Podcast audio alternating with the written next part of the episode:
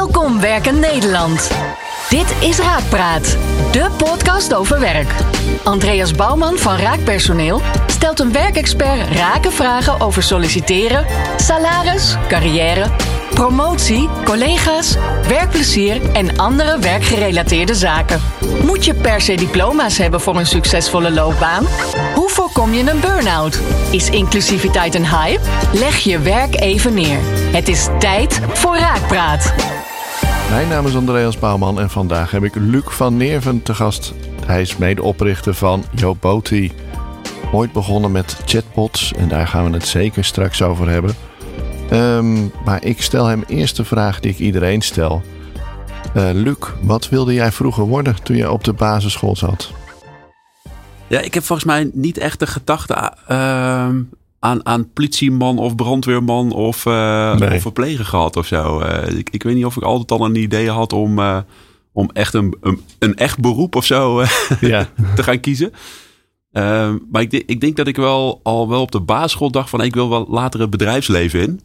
Terwijl ik daar helemaal geen, geen beeld bij had. Of denk ik geen goed beeld bij had. Je wilde geen Marco van Basten worden? Of, Nou ja, dat, Marco van Basten hing wel met een grote poster op, mijn, op mijn kamer. Ja. Uh, die heb ik er wel een keer afgescheurd volgens mij toen hij de penalty miste in uh, een belangrijke EK-wedstrijd of zo.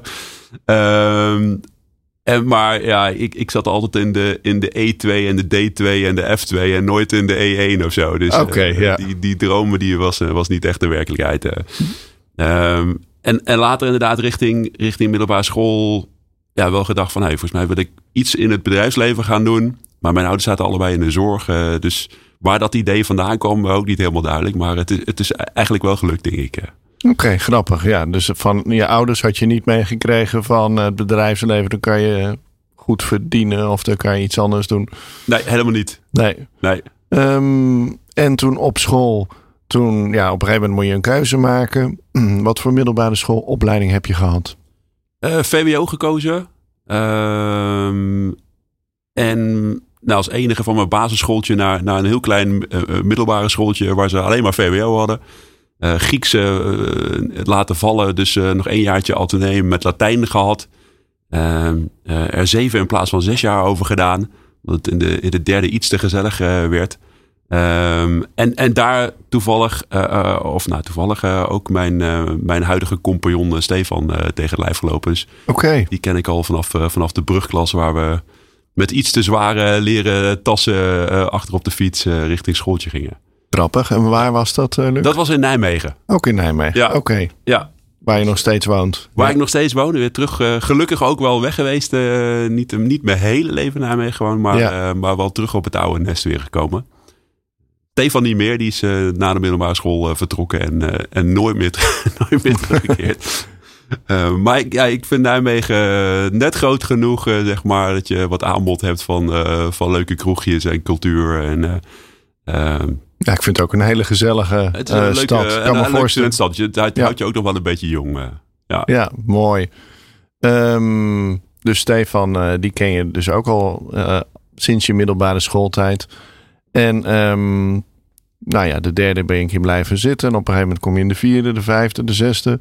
Had je toen, kreeg je toen al een idee van, goh, ik wil een studie gaan doen. En zo ja, wat voor studie wilde je dan gaan doen? Ja, ja en dat was misschien uh, niet helemaal in lijn. Want nou, je, ik deed VWO, dus dan was het nou, misschien wel logischer om de universiteit te gaan doen dan, dan, de, dan de hogeschool uh, te kiezen.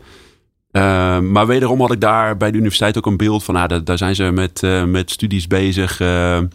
Uh, en, en, en, zaken verifiëren ja, die al honderd keer uh, getoetst zijn. Uh, waarom zou ik dat voor de honderd en eerste keer gaan doen? Dus ik wil gewoon echt iets heel praktisch gaan doen. En... Geduld is niet echt je allersterkste kant misschien? Nee, ik wil, ik wilde misschien gewoon... ja. nee, ik, ik had er echt ja, toch wel achteraf denk ik onterecht en best wel stoffig imago bij de universiteit. Um, en de HEO heette dat toen nog, Hoger Economisch Administratief Onderwijs. Uh, uh, leek mij veel praktischer en meer bij me passen. En ook meer de link met het bedrijfsleven. Uh, dus die keuze gemaakt. Ehm, en dat in Arnhem gedaan. Nou, dat is als Nijmegenaar natuurlijk eigenlijk helemaal niet...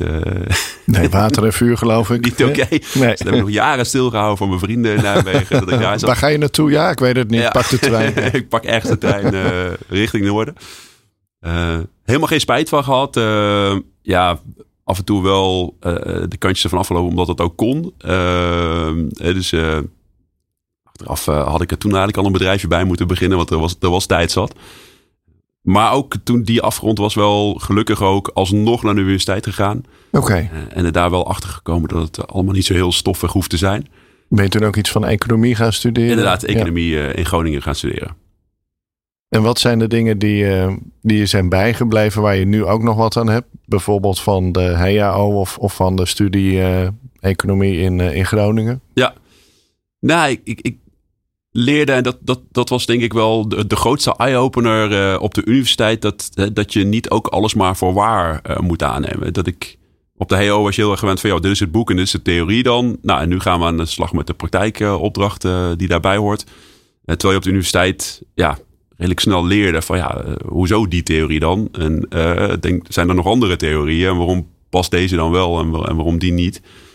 dus die kritische blik, die is, die is wel bijgebleven. Ja. Uh, maar waar ik, waar ik ook al achter kwam is dat je... Wij stroomden dan in in jaar drie. Toen was het nog geen BAMA, bachelor-master structuur. Mm -hmm. uh, dus als... Wij konden een verkort doctoraal programma volgen... als je al je hbo had op, op afgerond. Um, en het clubje van de studenten die vanuit de hbo richting universiteit gingen... was over het algemeen wel al eerder gewend om voor de klas of voor het college te staan om iets te presenteren. Ja. Dat moesten we op het hbo bijna elke week. Uh, terwijl de, nou, de, de gemiddelde student op de universiteit ja, helemaal achterin ergens in de collegebank lag weg te dromen en eigenlijk nooit voor, voor de zaal hoefde te staan. Nee. Dus nou, dat heeft me misschien toch wel een beetje gevormd om, om in ieder geval qua, qua presenteren daar wat ja, een stapje, stapje vooruit te kunnen doen. Podium te durven pakken. Ja. Dat zat misschien niet in je van nature of wel? Dat weet ik nee, niet. dat zat maar- van nature helemaal niet in me. Want ik kan me herinneren op de, op de middelbare school eh, vond ik dat het meest spannende toen Ja. ik voor Nederlands mijn boekverslag of zo Oh ja. eh, moest, moest gaan presenteren voor de klas. Ja. Eh, maar ik koos toen HBO commerciële economie. Eh, en, en daar in mijn klas zaten ja, best wel veel eh, eh, jongens vooral die best wel een grote mond hadden ook. En, en wilde je wel een beetje, beetje mee kunnen, dan, Moest dan- je mee. dan moest je wel een beetje mee. Ja. Dus daar is het denk ik toch wel ontstaan om nou, wat van die schaamte of zo van me af te gooien. En, en wel het podium figuurlijk in ieder geval een beetje te pakken. Ja, nou dat zijn je lessen van, van je studie. Ehm, nou, je bent toen niet meteen voor jezelf begonnen. Eh, je bent eh, eerst wat anders gaan doen volgens mij in loondienst. Ik heb Ja. eh, LinkedIn allerlei verschillende banen gezien. Maar wat heb je zo die eerste tien jaar van je werkende leven gedaan? Ja, voornamelijk in de farmacie beland. Bij drie verschillende bedrijven. Ehm, internationaal ook. Eh, echt een branche waar ik eigenlijk nooit aan had gedacht. Maar wel door een recruiter eigenlijk eh, daarin beland. Dus ik, ik was met mijn afstuderen bezig. En werd toen benaderd door een recruitmentbureau uit Haarlem. Die, eh, die voor Axo Nobel, Organon destijds eh, eh, iemand zochten voor de sales. En hoe vond je dat? Dat je benaderd werd door een recruiter? Ja, ik vond het wel stoer. Ja, kan ik me voorstellen. Ja, Ja, dan ben je begin twintig en denk je van... hé, hey, dat is Ja. toch wel... Blijkbaar is er wel vraag Chic, naar mij. ja. heb, ik wel, heb, ik toch wel enige kansen nog op de arbeidsmarkt. En, en ook nog wel grappig dat je ja, door een onbekende wordt benaderd eigenlijk. maar waar je eh, na één of twee gesprekken een heel goed gevoel bij hebt. Eh, en dat je dan toch ook wel heel erg meegaat in, in wat hij eh, vertelt over die branche. En of, waarom dat zo goed bij je past. En, ehm, want daarvoor had ik eerlijk gezegd echt nooit aan de farmacie, eh, farmaceutische industrie gedacht. En dan zie je ook, wat ik dan leuk vind als buitenstaander, is dan de impact die zo'n recruiter heeft op jouw leven. Dat je nu twintig jaar later Ja. dat gewoon, dat gesprek nog min of meer weet en wat, wat hij verteld heeft. Ja, Dus dat, ja, als recruiter heb je echt een enorme impact op het, op het leven van mensen. Nee, dat, en dat is denk ik echt zo. En, en later ben ik zelf ook die recruitment ingegaan. Daar zullen we het misschien nog even over hebben. Ja. Ehm, en, en dat vind ik wel een van de, de mooie onderdelen van het vak. Hè? Dat het, eh, je kunt echt wel, en hè, ja, het, eh, recruitment is natuurlijk breed. Hè, van het bijbaantje bij de Albert Heijn even tot, tot aan eh, de, eh, het bemiddelen van, van een nieuwe directeur of zo. Hè? Mhm. En alles wat ertussen zit.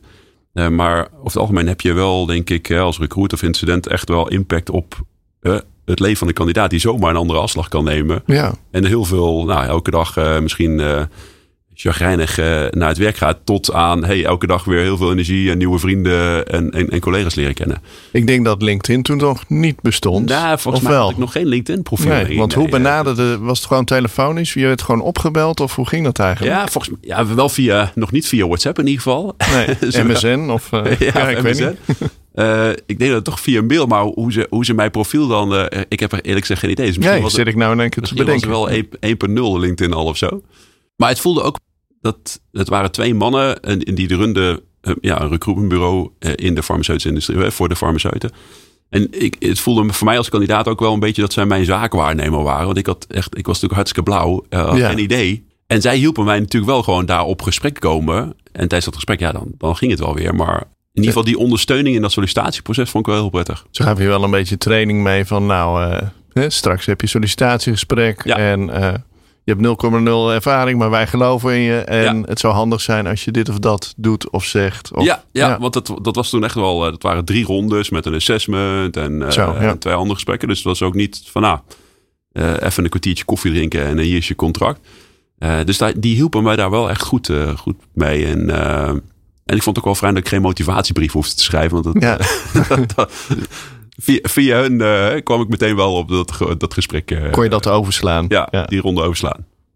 Nou ja, dat heeft in geresulteerd dat je tien jaar inderdaad in die branche hebt gezeten, hè, volgens ja. mij. Zijn er daar nog bepaalde lessen die je hebt geleerd? Want je hebt veel artsen bezocht, kan ik me zo voorstellen. Veel sales gedaan ja. misschien. Ja, Nee, zeker. En, en, en die artsenbezoeker, hè, volgens mij is dat nog steeds wel ja. een titel ook die gebruikt wordt. Daar begin je eigenlijk altijd mee eh, in de farmacie als je als groentje binnenkomt. Ja.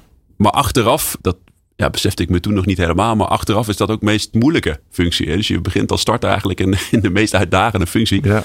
Wat gaat dat groentje mij vertellen over ja, mijn juist, vak? Hè, je hebt, ja. uh, die, ik, ik, kan me ook goed voorstellen dat die huisartsen ook denken van... Hé, daar heb je er weer eentje en die denkt mij iets wijs te maken. Terwijl ik al 30 jaar huisarts ben en echt wel weet waar ik het over heb. En je krijgt natuurlijk ook heel vaak gewoon nee. Of, en dan niet eens nee dat ze je product niet willen kopen, ook hoor. Maar ook nee van ik heb nu geen tijd.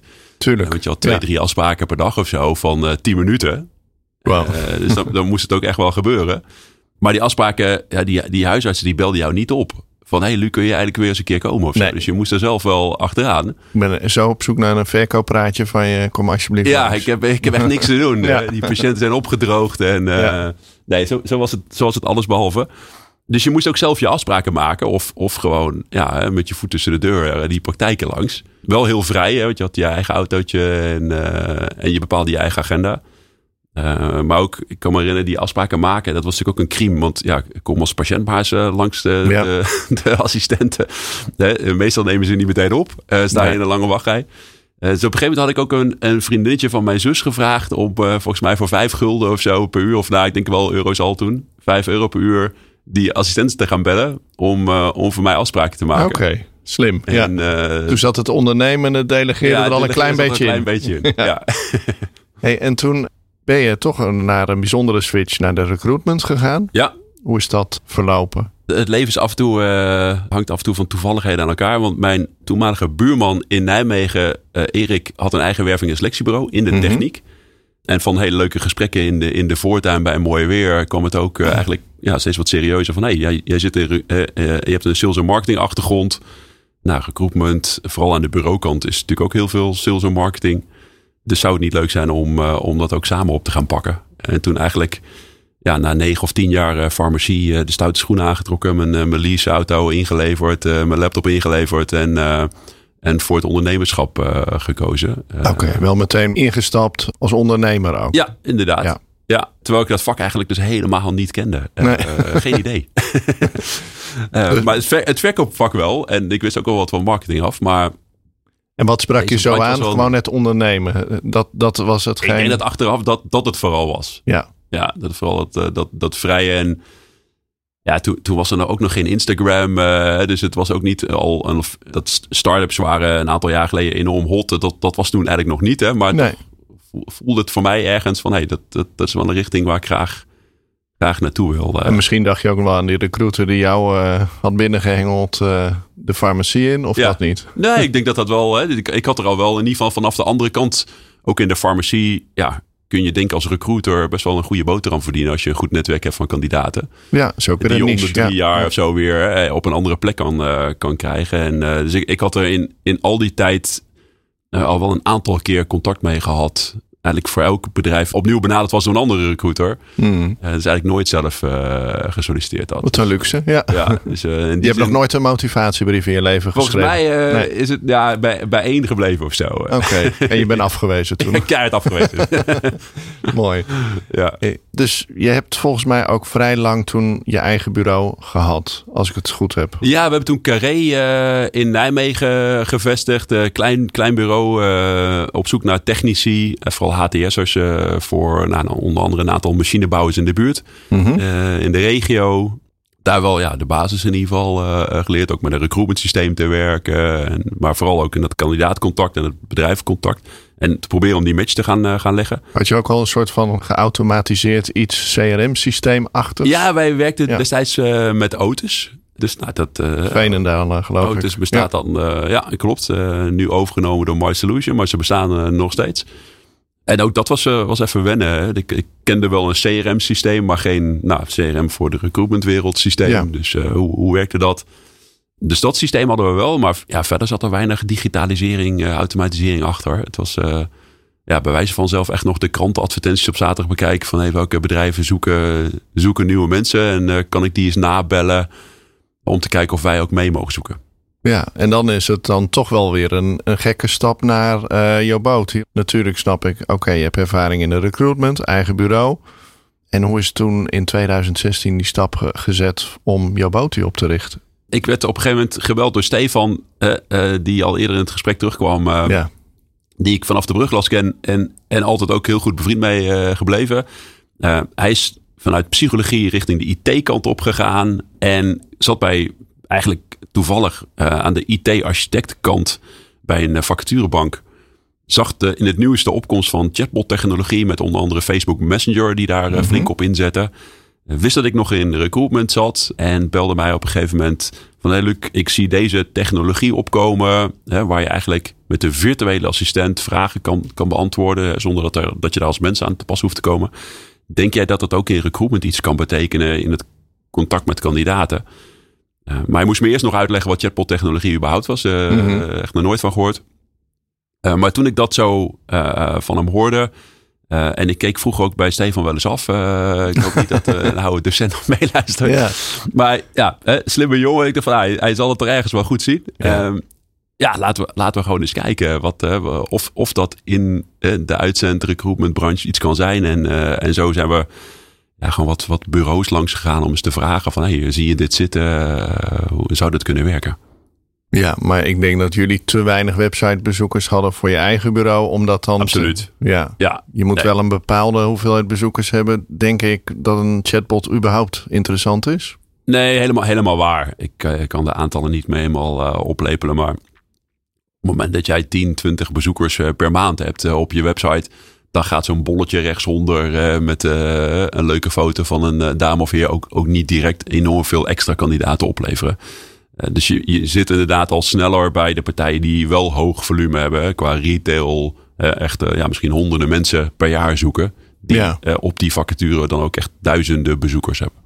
En hoe is de ontwikkeling bij jouw Boutie toen gegaan? Want er was schijnbaar behoefte. Ik weet ook niet exact meer eh, sinds wanneer eh, Raak met, eh, met, met jou in contact kwam. Of wanneer ik met jou in contact kwam en we de chatbot zijn begonnen. Dat is ook alweer enige jaren. Ja, klopt. Maar hoe ging, had je veel klanten vanaf het begin? En, en Nee, het was, het was heel erg pionieren en eens wat bedrijven spreken. En totdat een van die, nou toevallig een bureau zei van, nou, dit, dit ziet er wel interessant uit. En als, als dat bolletje ervoor kan zorgen, hè, dat die virtuele assistent rechtsonder op de site, hè, daar zitten ze meestal, ervoor kan zorgen dat de drempel voor een kandidaat om hè, het gesprek aan te gaan, al is het maar met de virtuele assistent. eh, als die drempel wat lager kan worden, eh, dan, en wij zouden met die kandidaat in- echt in gesprek raken, ja, eh, en we zouden die kandidaat aan een volgende baan kunnen helpen. Ja, daar kan dat ook wel wat geld opleveren. Dus dan mag dat bolletje ook nog wel iets kosten. Dus nou, op een gegeven moment zei een bedrijf van nou, laten we het maar gewoon doen. Maar wij hadden toen niet heel veel meer dan een PowerPoint-deck. dus eh, Oké, toen je moest mo- vooral Stefan Aan de slag. wel aan de slag. Ah, oké. Ja, ja. je moest, moest nog wel echt even wat nullen en enen bij elkaar gaan programmeren. En zoals je het nu formuleert, is dat ook de toegevoegde waarde? Een soort van tussenvorm tussen het persoonlijk contact wat je hebt met een kandidaat en het volledig automatiseren.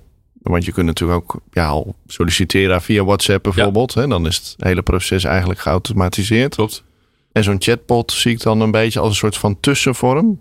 Van oké, ik heb wat vragen, die vul ik in. En dan, ja, als de behoefte is, dan wordt er contact opgenomen. Ja, ik, denk, ik denk dat je dat wel zo kun, kan zien. Uh, wij kregen destijds ook best wel veel vragen, omdat het ook nieuwe technologie was, zo'n virtuele assistent. Niet alleen op, op e-commerce webshops, hè, waar ze ook wel op doken, maar ja, voor recruitment was het ook echt nieuw. Dat we ook op, als we op, op, op een beurs stonden of zo en met bedrijven spraken, dat, dat heel veel recruiters ook zeiden van ja, maar moet, moet recruitment niet juist heel persoonlijk zijn? Ja. Persoonlijke contact vinden wij als bedrijf super belangrijk, als uitzendbureau, als, als, als uh, werkgever heel belangrijk. Dat was ook mijn twijfel, eerlijk gezegd hoor. Toen wij met elkaar in contact kwamen, kan ik me nog herinneren. Ik denk van ja, persoonlijk, persoonlijke benadering is zo'n beetje het fundament van waar raakpersoneel ja. voor staat. Ja. Dus je wilt, uh, ja, je wilt dat niet helemaal gaan automatiseren. Nee. Je wil wel dat mensen goed geholpen worden. Ja, en, en, daar zit het denk ik ook in. Hè. Dus wij, ik, ik geloof, nou, ik heb zelf ook uh, met de voeten in de, in de recruitment klei uh, gestaan. Dus ik geloof heilig in de impact die je als recruiter kunt hebben in dat proces om een kandidaat te helpen met zijn afwegingen van wel of niet die volgende stap maken. Maar wat je ook ziet, ja, kandidaten zitten ook niet altijd van 9 tot 5 op je vacaturepagina. En als ze om 8 uur s avonds denken. Mm uh, na het eten van hey, ja, ik wil toch eigenlijk wel een keer iets nieuws gaan doen. Ze komen op je website, dan, zullen ze niet zo heel snel de telefoon oppakken om te bellen. Dat vinden kandidaten sowieso vaak spannend hè, om die stap al te zetten. Dus als het iets anoniemer nog kan, doen ze dat graag. Nou, een contactformulier is dan meestal ook niet ja, de meest sexy manier om even nee. contact te leggen. En dan is zo'n virtuele assistent misschien toch wel hè, de eerste uh, drempel over om hè, dat gesprek aan te gaan. En misschien die vraag wel te durven stellen. In plaats van meteen uh, het 06-nummer van uh, of uh, het filiaal van Raak te bellen. Ja, nee, dat zal ook de conversie verhogen, om het in marketingtermen te zeggen. Ja. Van het aantal bezoekers wat op je site zit. Ja. Zal ook met de telefoonangst die sommige mensen misschien wellicht hebben, dat ze liever even via de virtuele assistent contact opnemen. Ja. Zie je dat ook in cijfers terug? Dat dat dat zien, we, dat zien we ook gebeuren. Ja, en we hebben, we hebben een paar echt hoog volume klanten die door die virtuele assistent ook ja, tijd overhouden. Omdat ze hè, de eerste lijn vragen in ieder geval al laten beantwoorden door die virtuele assistent. En ik denk heel eerlijk ook voor die kandidaat gewoon best prettig. Hè? Die hoeft, ja, als hij een contactformulier moet invullen om een vraag te stellen, moet hij toch vaak ja, minimaal een dag ja. wachten. Ja. Terwijl als zo'n virtuele assistent die vragen kan beantwoorden, ja, is hij misschien al meteen geholpen. En vindt hij het ook, denk ik, niet eens zo erg dat het een virtuele assistent is die hem geholpen heeft. Hè? Als hij gewoon een hele concrete vraag heeft. Dus ik, ik, denk, ik denk inderdaad dat dat, uh, dat dat kan helpen. Ja, kleine gewetensvraag. Als jij zelf uh, wat aanschaft, een reis of iets bestelt bij een webshop of wat dan ook. Gebruik ja. je dan ook chatbots? Ik moet nu natuurlijk zeggen van, uh, van wel. Ja. nou, ik moet zeggen, als je, als je bijvoorbeeld, uh, uh, nou, laatst ook bij Bol iets bestelt en dan ben je even op, op de, de track and trace kwijt mm -hmm. of wil je even een vraag stellen. Ja, ik denk dat jij ook, Andreas, hè, niet zit te wachten van, ah, ik, oh heerlijk om die tien minuten in de wacht te staan en dat, nee. dat klassieke muziekje wat net even buiten de toon om loopt te, te luisteren. dus als het dan via chat kan, helemaal prima. En ja, ik vind het dan persoonlijk ook niet zo heel erg als er misschien een virtuele assistent aan die andere kant zit, die wel gewoon meteen tijd heeft dan dat daar een, een hele enthousiaste student zit die mij misschien ook wel met alle liefde wil gaan helpen. Maar ja, misschien net even nog ook tien andere klanten aan het helpen is.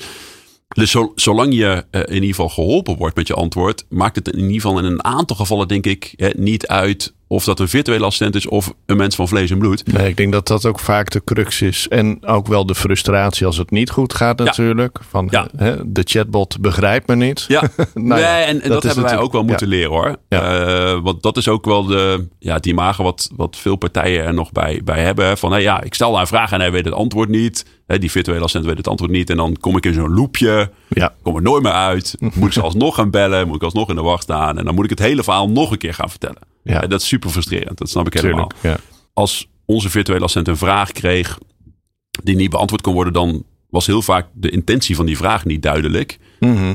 Voor de chatbot-technologie, voor de, het algoritme, de AI erachter. Je kan een vraag op honderd verschillende manieren stellen. Ja, op, op honderd manieren stellen. En, en sommigen stellen hem heel eh, eh, eh, kort en krachtig. En dan nou, is het een logische van, hé, wat ga ik verdienen bij Raak? eh, Mhm. bijvoorbeeld.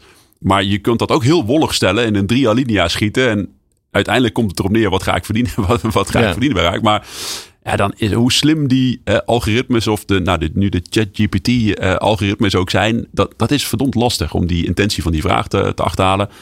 Onze tactiek dan is van, nou, vragen we, wil je de vraag nog een keer herhalen om eh, met de hoop dat een kandidaat dan op een andere manier die vraag zou stellen, zodat we hem wel zouden kunnen begrijpen.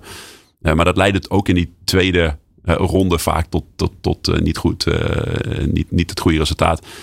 Dus onze tactiek was destijds al van, nou, we hebben je niet begrepen, maar ik zorg dat een collega zo snel mogelijk bij je terugkomt. En hoe wil je dat we bij je terugkomen? hè? Wil je dat via WhatsApp of via een telefoontje of Ja. via mail? En laat dan even je gegevens achter. En dan schoten wij die vragen wel meteen door. Dus dan was die kandidaat ja, misschien toch om acht uur 's avonds wel geholpen. Want hij hoefde maar één keer die vraag te stellen. Helaas, die virtuele assistent had hem, kon hem nog niet beantwoorden. Maar kon hem wel zorgen dat hij bij de recruiter van de juiste, het juiste filiaal eh, lag. Ja, alles in doel om die, men, om die persoon in ieder geval zo snel mogelijk en zo goed mogelijk te helpen. Ja.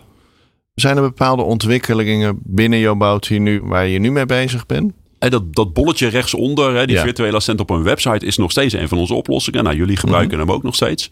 Waar we nu eigenlijk voornamelijk mee bezig zijn, is een virtuele assistent ook in WhatsApp te brengen. Dat is toch het kanaal wat ja, zo goed als iedere Nederlander wel op zijn telefoon heeft. Dat, dat Mhm. kleine groene, Ja. groene icoontje. Eh, wat in ieder geval in mijn geval ook, ook eh, in de top drie van de meest gebruikte apps eh, elke dag weer staat, volgens Ja. mij. Meer dan mail. Hè. Ik denk dat jij ook, Andreas, hè, vaak in je mailbox ook zit hè, als, als, als marketing Ja. manager.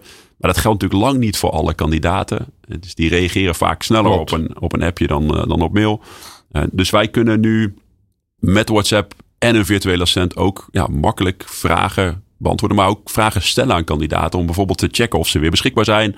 Of dat een nieuwe opdracht die jullie mogelijk hebben voor een klant eh, interessant is voor ze. En als ze dan aangeven, ja, het is wel interessant dat we ja, zelfs die kandidaten de mogelijkheid geven om via WhatsApp meteen hun telefonische intake of zo te plannen met een collega van Raak. Ja, dus om het simpel te zeggen, eigenlijk op een laagdrempelige manier contact houden met kandidaten als ze aan het werk zijn. Maar ook daarna, dus gewoon in de hele reis van A tot Z, nou ja, in contact blijven met je kandidaat. Ja, dat is het. En ik denk dat WhatsApp daar wel ja, het ideale kanaal voor nu eh, voor is. Hè. Misschien over tien jaar eh, denken we van, ah ja, WhatsApp, dat was eh, ooit Ja. vroeger zo'n hives-achtig Ja, precies. Ja, maar nu is WhatsApp het kanaal, denk ik. klopt. Ja. Ehm, waar we ja, zien dat, dat, dat heel veel kandidaten op mail ja, misschien één of twee dagen later reageren. Of misschien niet eens die mail hebben gezien. Hè, terwijl je ja, toch ook snel wil schakelen met, hè, met zo'n kandidaat en je opdrachtgever. En snel wil weten, hey, kan die morgen nou op gesprek komen? Of heeft hij nog nagedacht Mhm. over het aanbod? Ja, dan is WhatsApp denk ik een heel mooi kanaal. En daar bieden we ook de mogelijkheid dat die virtuele assistent af en toe dat gesprek voert. Maar dat je dat ook als eh, raakmedewerker of eh, collega dat gesprek van die virtuele assistent weer kan overnemen. Eh, om, hè, om dat gesprek met die kandidaat weer persoonlijk eh, op te pakken. Ja, als dat allemaal goed gelogd wordt, dan heb je natuurlijk een mooi, eh, mooi inzicht in waar je het over, hè, hoe je de kandidaat kan helpen. Ik wou het ook nog ietsje breder trekken. Ik zie al, als ik kijk naar bijvoorbeeld een bedrijf eh, als Coolblue of eigenlijk alle grote bedrijven die heel veel online actief zijn, zie ik een soort spanningsveld tussen service verlenen, gemak optimaliseren en dat persoonlijk contact. Eh, bij Coolblue zag ik laatst voorbij komen op een tijdlijn van een eh, van iemand op LinkedIn en die zei van ja, ik vond het zo leuk dat ze mijn naam herkenden, maar ja, dan moest ik wel even mijn naam zelf opschrijven. En toen in de fysieke winkel, toen kwam ik daar en toen zag ik op het scherm mijn Ja. eigen naam. Nou, Ja. ik vond het geweldig. Ja. En toen schreef ik van ja, dat is inderdaad geweldig, maar als ik bij mij naar de expert ga in mijn eh, stadje waar ik woon, Dat kennen dan, ze jou ook dan nog. kennen ze me echt. en dan kennen ze ook nog eens een keer mijn vrouw. En Ja. dus we hebben een hele ontwikkeling doorgemaakt. En eigenlijk zijn we bijna weer terug bij af. Ja. Ehm, nou zie ik Coolblue gewoon als een voorbeeld. Dus ik, eh, ik heb daar echt wel respect voor. Maar het is wel een soort spanningsveld tussen dingen digitaliseren, makkelijker maken. Eh, en dat persoonlijke contact. Ja. En soms doen we alsof iets, ja, wat eigenlijk heel normaal is, iemand kennen en Ja. iemands naam zeggen. Eh, als dat, alsof dat een soort uitvinding is. Ja.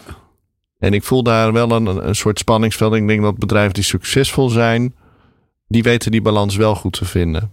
Uh, hoe zie jij dat, Luc? Ja, nee, dat is denk ik een heel interessant onderwerp. Uh, en ook terugkomend op waar we het eerder over hadden, dat ja, moet recruitment, hè, een van de, de, de eerste reacties was vaak hè, met zo'n virtuele assistent ook van moet recruitment of HR niet juist heel persoonlijk zijn. Hè? Het is, ja. Nou, HR, uh, mooi Nederlands woord, human resource, hè, de Mhm. human. Hè, uh, Ja. Moet het allemaal digital resource worden? Ik, denk- ik denk het niet. Nee. Eh, ik, ik geloof daar niet in. Maar ik geloof ook, als ik terugdenk denk aan mijn eigen tijd als recruiter, wat jij ook al vroeg, van ja, hoe gedigitaliseerd was je destijds? Ja, we hadden een recruitment systeem, eh, maar dan hield het ook wel een beetje op. Eh, eh, dus ik was zelf het eerste uur van de dag bij wijze van eh, op zoek naar vacatures aan het gaan. Op internet al wel, hè, van hey, welke opdrachtgevers hebben vacatures. Die zet ik dan in mijn systeem. En dan ga, ging ik handmatig kijken van hey, welke kandidaten kennen we al die daarbij zouden aansluiten. Ook tijdroven natuurlijk, hè, dat je, als je dat zelf moet gaan opzoeken. Ehm, en, en dan moest je die kandidaten weer gaan bellen. En ook destijds ja, was het al best wel lastig om die kandidaten te pakken te krijgen. Eh, belde je ook vaak nog wel op een tijdstip dat niet altijd kwam. eh, voor die kandidaat. Of hij was op het werk en eh, nou, de collega's zo om hem heen. Dat is ook niet zo handig als je dan als recruiter gaat bellen. Ehm, dus weinig digitalisering. Heel veel per- persoonlijke aanpak. Ehm, maar dan moet je je afvragen: van, is dat dan de persoonlijke aanpak die, die het verschil gaat maken? Voor die kandidaat vooral, hè? want dat is je eigenlijk je eindklant dan. Ik denk het niet. hè. Ik denk dat we nu bijvoorbeeld hè, met hele mooie tools aan de voorkant als recruiter al geholpen zijn dat die robotjes automatisch zoeken in het begin van de dag of in de nacht. Ja. Welke opdrachtgevers hebben nieuwe vacatures? Die zetten ze hè, al zelf in je recruitment systeem. Hè. Die, die staan te wachten op je als je, hè, Mhm. als je het filiaal eh, van Raak binnenkomt lopen als recruiter. Eh, dan heeft misschien een text-kernel-achtig eh, eh, een programma al een hele slimme match gemaakt. hey, eh, jouw opdrachtgever Jansen heeft een nieuwe vacature voor monteur. Die past perfect Deze- bij eh, Deze tien Willem. monteurs Dus- passen ja, perfect precies. Ja. bij. En deze monteur scoort 80% en deze scoort 70%. Met En- een soort van AI-achtige. Ja. eh, Die slimme matching eh, al maakt. Matching En, tool, en ja. niet alleen op regio of op uren, maar ook misschien al op skills hè, eh, die matching maakt. En dan kunnen we zelfs nog één stap verder gaan. Dat je als recruiter ook nog zou kunnen zeggen... hé, hey, maar als blijkt dat die monteur op 70% op die vacature scoort... waarom stuur hem dan niet automatisch al een WhatsApp-bericht... met de naam, ja. beste Andreas... jij scoort op 70% op die, op die rol in eh Alblasserdam... jij scoort het hoogste van Jij iedereen. scoort misschien ja. nog het hoogste. Dan Ja, voel jij je toch helemaal vereerd. Ja. En misschien leggen we in dat WhatsApp-gesprekje ook nog wel uit waarom. Mhm. Ehm, en dan vragen we aan je eh, eh, eh, van, joh, vind je het interessant om daar eens over te praten? En als jij dan aangeeft dat je daarover wil praten als kandidaat... Mhm. en je kan ook nog in datzelfde WhatsApp-gesprek direct ook je eigen intake gaan boeken... in de agenda van de recruiter die daar ook nog iets van af weet... Ja. dan heb je denk ik als kandidaat niet echt nog persoonlijk contact gemist... Ehm, maar zou ik het als kandidaat en ook als recruiter het allerbelangrijkste vinden dat je daarna dan een heel goed gesprek hebt met die recruiter die iets weet van die klant. die het weet hoe het daar op vrijdagmiddag aan toe gaat en op maandagochtend. Die je ook echt, echt kan meenemen om eh, dat beeld te schetsen van die werkvloer daar. Ja, wat je wat minder misschien makkelijk in een vacaturetekst eh, opschrijft. Zonder Ja. meteen in allerlei clichés eh, te komen. Dus Denk je ook dat eh, die ontwikkeling, hè, als die zich doorzet zo- zoals jij hem nu schetst, wat ik een, inderdaad een mooie ontwikkeling zou vinden, omdat het het werk van de recruiter leuker maakt, hè, minder vervelend werk Ja. van zoeken, maar meer kwalitatieve gesprekken. Ehm, kandidaten die zich gezien eh, voelen en eh, niet beoordeeld worden op een cv of motivatiebrief, maar op, nou ja, eh, objectieve criteria van Ja. wat ze kunnen. Nou, het is nog een beetje toekomstscenario, of gedeeltelijk, denk ik. Maar denk je dat dat bijvoorbeeld echt de, de recruitmentwereld helemaal op zijn kop kan zetten? Dat we geen vacatureteksten meer hebben, cv's, motivatiebrieven? Ik vind die motivatiebrief al nog wel een mooie. Hè? Dat was vroeger Ja. altijd zo'n verplicht veld Klopt. in elk sollicitatieformulier met zo'n rood sterretje. En als je Ja. daaromheen probeerde te gaan, ik, ik ook nog wel eens tussen. Nou, één keer niet gelukt eh, Oké. met die ene motivatiebrief. Maar Ja. dan, eh, dan kwam je er ook gewoon niet doorheen. Hè? Nee. Eh, nou, ik denk dat jullie volgens mij ook hè, die motivatiebrief niet Hebben meer al heel lang, eh, al ja, heel lang eh, in de kast eruit gegooid. Ja. eruit gegooid. Omdat je anders merkt inderdaad dat je conversie, hè, dat de kandidaat toch een hogere drempel ervaart. Aan de andere kant is het als kandidaat misschien ja, niet als je copy-paste eh, van de brieven die je daarvoor aan de, de andere buurman eh, met de vacature hebt gestuurd. Hè, maar is het voor jou als kandidaat misschien nog steeds wel een heel mooi middel om eens op papier te krijgen van hé, hey, waarom vind ik dit eigenlijk interessant? Waarom pas ik hier zo goed op? Misschien moet je hem maken voor jezelf voordat je gaat solliciteren, maar, maar puur voor jezelf. En niet, Ja. niet eens voor je werkgever, maar hè, om, om eens echt eens... Ik denk dat het afhangt van ja, ook heel je persoonlijkheid. Zelf vind ik schrijven leuk en vind ik een motivatiebrief, ja, kan heel veel zeggen. Ja. Maar ja, dan moet het wel een serieuze brief zijn waar je inderdaad ook echt inspanning hebt gedaan om daar iets goeds en iets persoonlijks van te maken. Ja.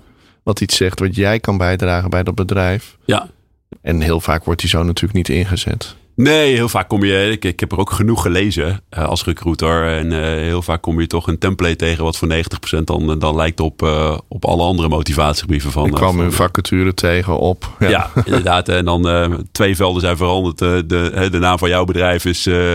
Als het een beetje mee zit, is dat veranderd. ja, Ja. niet eens altijd. Nee. Nee, en ik denk dat nou, die ontwikkeling is natuurlijk ook volop nu in het nieuws. die ChatGPT, hè, dus die, die chatbot-technologie wordt alleen maar slimmer en slimmer. Dat maakt dat je als werkgever of als, eh, als uitzender eh, dat kunt gebruiken om je vacatureteksten met ondersteuning van zo'n algoritme te schrijven. Maar ook, dat gaan we denk ik ook terugzien in de motivatiebrief van kandidaten. die, Ja. die zo'n eh, virtuele assistentenopdracht geven. Nou, schrijf maar mijn motivatie voor, voor raak. Ja. Eh, ehm, en daar komt ongetwijfeld iets heel, iets heel moois uit. Hè? Maar ja, de vraag is even of, of dat dan gaat bepalen of jij de juiste match bent met, met een opdrachtgever. En ik denk in dat stukje moet je dat als kandidaat denk ik toch ervaren of in een gesprek ervaren. Maar waar technologie je wel enorm op weg kan helpen. En ook om die, ja, die saaie taken van het afspraak maken, eh, überhaupt. Hè, om dat gesprek met die recruiter te voeren. Ja, ik denk dat geen enkele kandidaat het erg vindt dat, dat een virtuele assistent hem de opties geeft en die afspraak voor hem maakt. Dan dat iemand van vlees en bloed Nee, drie dagen later een keer de opties op, op de mail zet. Maar dat, in dat gesprek moet je denk ik het verschil gaan maken. En ik denk dat dat gesprek niet zo heel snel gaat veranderen. Dat blijft denk ik eh, hopelijk misschien ook wel iets persoonlijks. Want dat vond ik in ieder geval als recruiter een van de mooiste onderdelen van het vak altijd. Mooi. Nou, ten slotte, je hebt het verteld over hè, waar je boot mee bezig is, waar je, hoe je de ontwikkeling in de markt ziet. En dan wilde ik als slotvraag stellen. En jij persoonlijk, Luc, eh, heb jij ook nog bepaalde doelen voor komende jaren dat je als mens wil groeien, wil ontwikkelen? Ja, ja hele mooie vraag. Eh, En eh, eh, hij, hij komt onverwacht. Dus Ja. ik moet mezelf mijn mijn eigen motivatiebrief maar eens gaan schrijven voor de komende, de komende jaren. Nou ja, met Jeboten zijn we in ieder geval van echte start-up, start-up met hoofdletters, zeg maar. Echt met, eh, met, met twee man en eh, een anti-kraakkantoortje. Langzamerhand steeds serieuzer aan het worden. En eh, ja, nu met 16, 17 mensen eh, Zo, eh, ja. eh, aan de slag. En dat- dat is sowieso heel leuk, maar dat vergt ook ja, in mijn rol wat anders dan. Dan ja, merk je dat je rol verandert daardoor? Ja, en, en je moet wat meer petten opzetten. Ja. Eh, maar heel af en toe mis ik dan ook wel een beetje mijn eigen pet, zeg maar. Eh, Want er komt natuurlijk dan best wel wat ook HR-zaken op je af. En, eh, Waar haal jij de meeste voldoening uit? ja, ik, vind die, ik vind het superleuk om met een klant mee te denken over eh, hoe ziet zo'n recruitmentproces eruit en waar zou digitalisering wel kunnen helpen en waar, en waar moet je juist, eh, denk ik, misschien wel blij- wegblijven daarvan en eh, je mensen ervoor inzetten hè, in het Mhm. proces. Ik vind dat nog steeds op een dag de leukste gesprekken om, eh, om te voeren. Dus misschien is dat wel een doel voor je om dat eh, komende jaren in ieder geval vast te houden. Dat je ook nog eh, bij klanten over de vloer komt. Heel graag. Ja. Ja. Ja, daar moet, maar daar moet je dan ook aan blijven werken. Want anders word je inderdaad ook opges, opgeslokt in de, in de waan van de dag. En met alle honderd andere taken die er liggen. Maar Ja. Nee, dat vind ik nog, nog het mooiste. Wat ik als recruiter het mooiste vond. Hè, die, echt die intakegesprekken of die sollicitatiegesprekken voeren.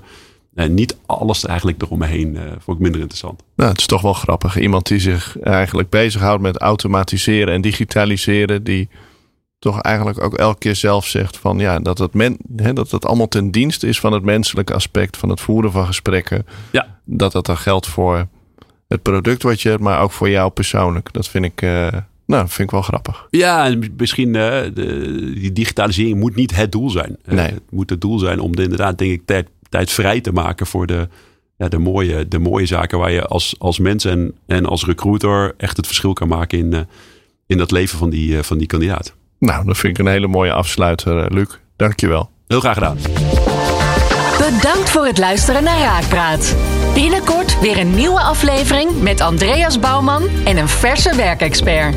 Meepraten? Check de show notes en abonneer je op onze podcast. Werk ze!